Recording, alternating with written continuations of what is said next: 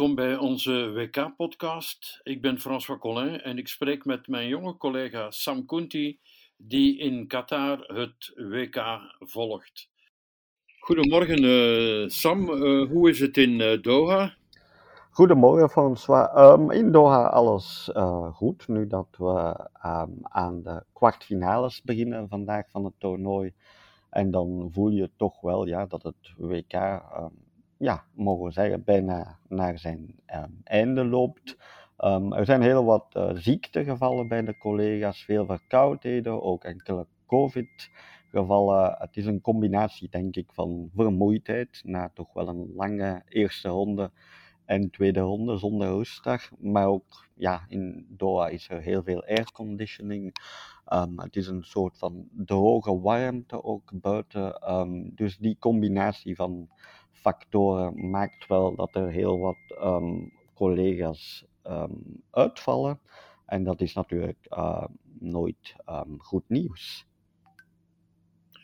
Na de lawine aan matchen heb je twee dagen zonder wedstrijden gezeten. Heeft de verveling toegeslagen? Um, nee, zeker niet. Ik denk dat er toch um, ja, in Doha uiteraard uh, heel wat te vertellen valt, vooral naast het veld, zoals je wel weet.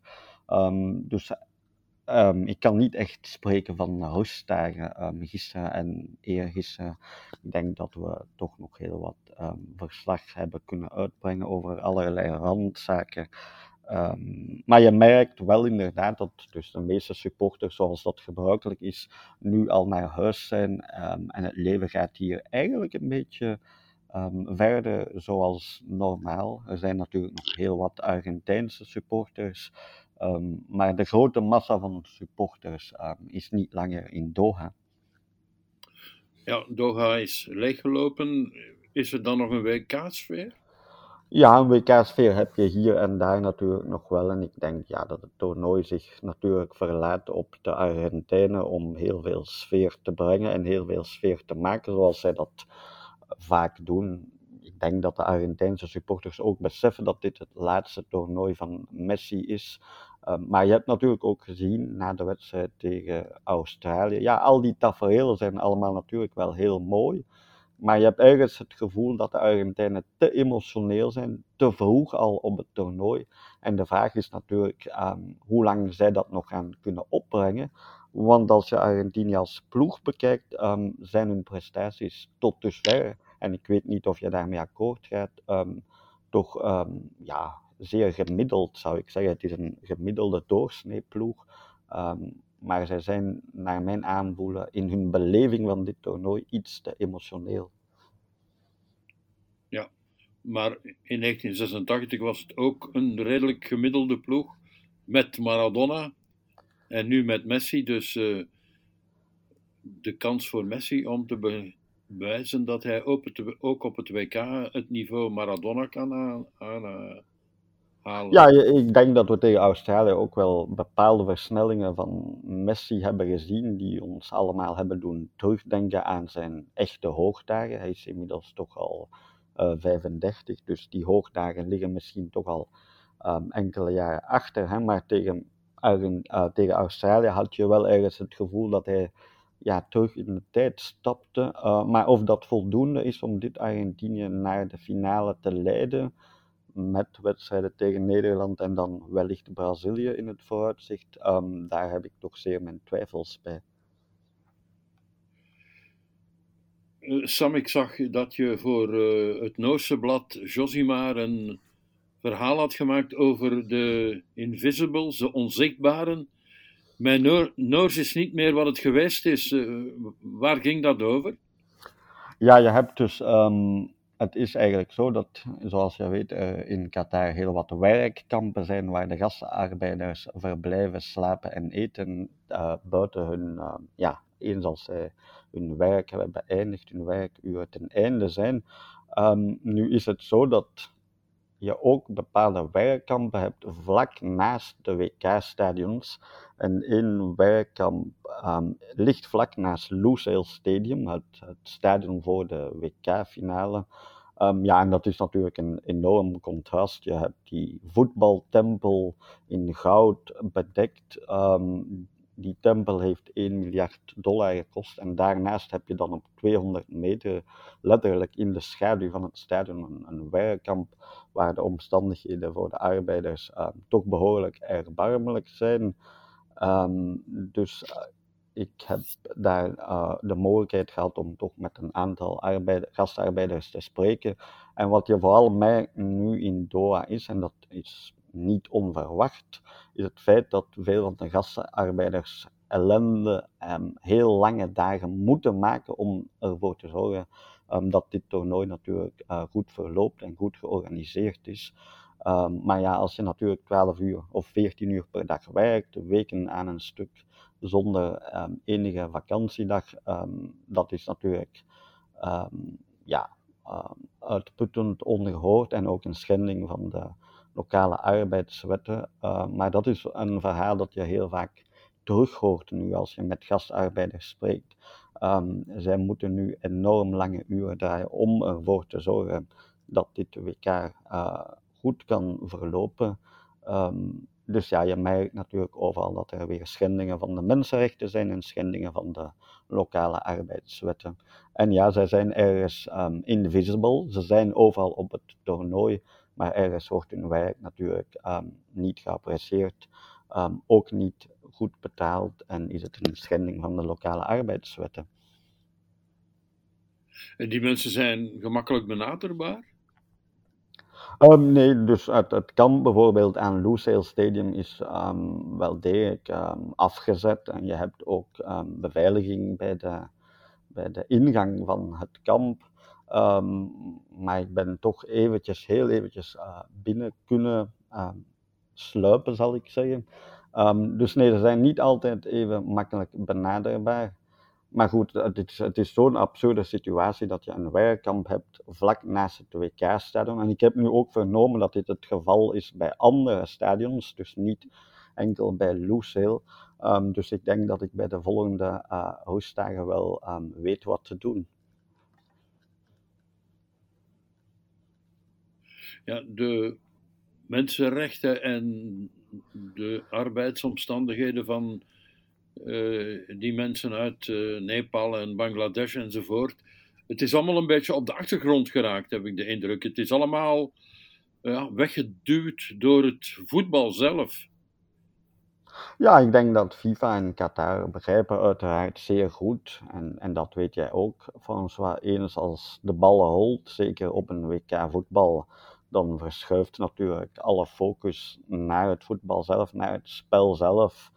Um, en naar hoe het toernooi verloopt. En ja, die, die verhalen raken inderdaad verzeil, verzeilen eigenlijk uh, op de achtergrond. En dat merk je nu um, zeer goed. Nasser Al-Katte, de, de baas eigenlijk van het lokale organisatiecomité, um, zei gisteren ook op een ja, zeer gepikeerde manier Um, toen hij werd gevraagd over het overlijden van een gastarbeider nabij het hotel waar Saudi-Arabië tijdens het toernooi verbleef, um, reageerde hij zeer gepikeerd en zei: uh, Waarom is dat nu jouw vraag? zei hij aan de journalist.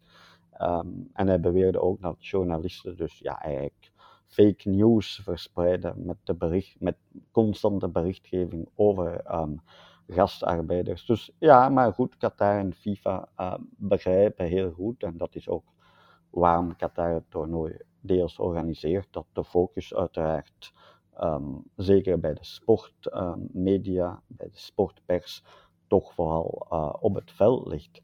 Wat mij misschien toelaat om jou een vraag te stellen, François. Hoe is eigenlijk um, de berichtgeving in België over dit toernooi? Ik moet uh, zeggen ook dat ik heel weinig over de neventoestanden uh, gelezen heb uh, of gehoord heb op televisie of in de kranten. Het gaat alleen nog over het voetbal eigenlijk. Um, ik vind het heel teleurstellend dat de meeste van onze sportjournalisten blijkbaar niet geïnteresseerd zijn in verhalen over wat er echt uh, in dat land uh, gebeurt. Maar mm -hmm. ja, ja, pik op wat jij ja, zei over die. Uh... Mm -hmm. Ja, zeg maar. Nee, ja, je merkt toch wel in de, in de, in de Engelse en Amerikaanse pers dat er toch een, een goede berichtgeving is over wat er in Qatar allemaal gebeurt. Ja, dat is uh, niet hetzelfde als bij ons uh, blijkbaar. Maar je had het over die man die daar over die dood van die uh, arbeidsmigrant nogal laconiek reageerde. Mm -hmm. hoe, hoe kan je zo ongevoelig zijn als je weet hoe dat er naar dit toernooi gekeken wordt? Um, kan je de vraag nog even herhalen, François? Uh, die man die het had over, uh, ja, that happens, over die arbeidsmigrant, die uh, gisteren blijkbaar overleden is. Hoe kan je zo ongevoelig zijn als je weet dat dit zo'n thema is bij dit toernooi? Ja, dat vond ik ook heel frappant aan zijn antwoord. Zoals jij zegt, het is een het getuigt van een ongevoeligheid en het laat ook ergens blijken, denk ik, dat voor Qatar dit thema uh, een non-issue eigenlijk is. Want uiteindelijk heeft het organisatiecomité jarenlang volgehouden dat er maar drie tot veertig doden uh, zijn gevallen onder de gastarbeiders bij de bouw van het WK. Tijdens het toernooi heeft Hassan Al-Tawadi secretaris-generaal van het organisatiecomité, dan gezegd dat het eigenlijk 4 à 500 uh, doden zijn. En gisteren kwam Nasser Al-Khater dan laconiek um, zeggen of vragen: waarom stel jij die vraag überhaupt? Um, ja, het zegt veel over hoe dit land en hoe de organisatie met dit thema omgaat. En natuurlijk het feit ook dat FIFA en Qatar geen compensatie uh, willen verlenen aan de gastarbeiders of aan hun families. Um, dat zegt nogmaals alles waar, waar we met dit WK staan en ook waar we met voetbal eigenlijk als bestel naartoe gaan. Ja, dat is ook wel merkwaardig, want de NGO's vragen een compensatie van 400 miljoen euro dat is voor eh, FIFA en zeker voor Qatar peanuts. waarom uh, zeggen ze niet gewoon: hier is het geld, dan is al heel veel van die kritiek verdwenen? Ja, ik denk dat um, een paar redenen zijn waarom FIFA en Qatar dit, um, ja, die compensatie dus niet willen verlenen. Ook al is het peanuts, zoals jij zelf zeer terecht zegt. Um, ik denk dat de eerste reden is het, het idee van compensatie leeft niet uh, bij voetbalofficials. Um, je merkt dat zij zeer, dat dat eigenlijk geen thema is bij hun. Zeker als je in het FIFA-hotel rondloopt. Je weet het ook, het zijn vijf sterren luxe hotels. Het is, ja, het is een soort van decadente luxe. En de schendingen van de mensenrechten zijn in de FIFA-hotels überhaupt um, geen thema. Dus onder de voetbalofficials zelf is er helemaal geen drang of geen besef um, dat dit een, een, zeer noodzakelijke stap zou moeten zijn.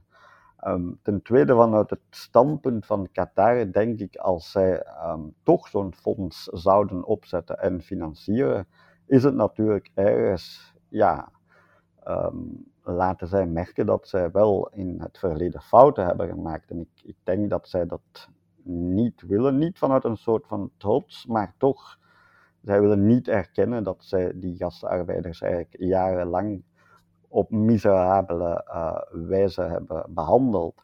En dan tenslotte een derde puntje is denk ik ook zeer belangrijk om aan te stippen, um, is eigenlijk dat de meeste grote bedrijven hier in Qatar worden ook deels of volledig, um, zijn deels of volledig in het bezit uh, van de heersende klasse, en dat is de Altani-familie. Maar die heersende klasse is tegelijk ook de politieke klasse. Dus je hebt eigenlijk een soort van overlap tussen de twee. En doordat de politieke klasse ook de business uh, community is, is er eigenlijk helemaal geen politieke wil om dit systeem, het kafala-systeem dat op papier is afgeschaft, maar dat in werkelijkheid ja, toch nog bestaat. Er is geen politieke wil om dat systeem af te schaffen. Dus ik, ik denk dat dit de drie grote redenen zijn um, waarom FIFA en Qatar dus uh, geen fonds um, om de gastarbeiders te compenseren uh, willen financieren. Uh, tot slot, Sam, wat verwacht je van die kwartfinales? Um, van de kwartfinales verwacht ik uh, een routineoverwinning voor Brazilië. Um, Nederland-Argentinië lijkt me eerder een, een, dubbel op zijn kant. Argentinië ligt de favoriet, maar ik zou de ploeg van Louis van Gaal zeker niet onderschatten. Frankrijk zou ook op routine Engeland moeten verslagen. En dan is het uitkijken of Marokko het eerste Afrikaanse land kan worden om de halve finales te bereiken. Ik denk dat Portugal tactisch beter is dan Spanje en ook meer spelers heeft die individueel het verschil kunnen maken. Um, dus ik denk dat het toernooi voor Marokko hier in de kwartfinale zal eindigen. Um, wat denk je? Um, ik ga helemaal uh, in jouw redenering mee, maar ik weet dat het in het voetbal meestal anders afloopt ja, dat, dat heeft dit toernooi toch al een paar keer uh, laten, laten zien. Misschien dan een laatste vraagje van mijn kant. Um, de Rode Duivels, wat uh, zijn de laatste nieuwtjes bij de Belgische Voetbalbond? Ja, je weet wel, wellicht dat uh, Eden Hazard dat klopt, ja. zijn afscheid heeft aangekondigd. En er is nu een, bij de Voetbalbond een taskforce opgestart die op zoek moet naar een ehm, technisch directeur en een bondscoach. De logische volgorde zou zijn dat een technisch directeur wordt aangeworven en dat die op zoek gaat naar een uh, bondscoach. Uh, maar logisch en Belgische voetbalbond, dat gaat zelden samen. Dat wordt ongetwijfeld vervolgd, François. Um, ik denk dat wij dan elkaar terugspreken na de kwartfinales en Misschien mogen we dan vooruit blikken op een Zuid-Amerikaanse halve finale tussen Brazilië en Argentinië. Uh, maar dat is ongetwijfeld voor volgende week. Ik wens jou nog een uh, leuke en vooral interessante werkweek in uh, Doha toe. Hartelijk dank, François. Tot ziens. Dag.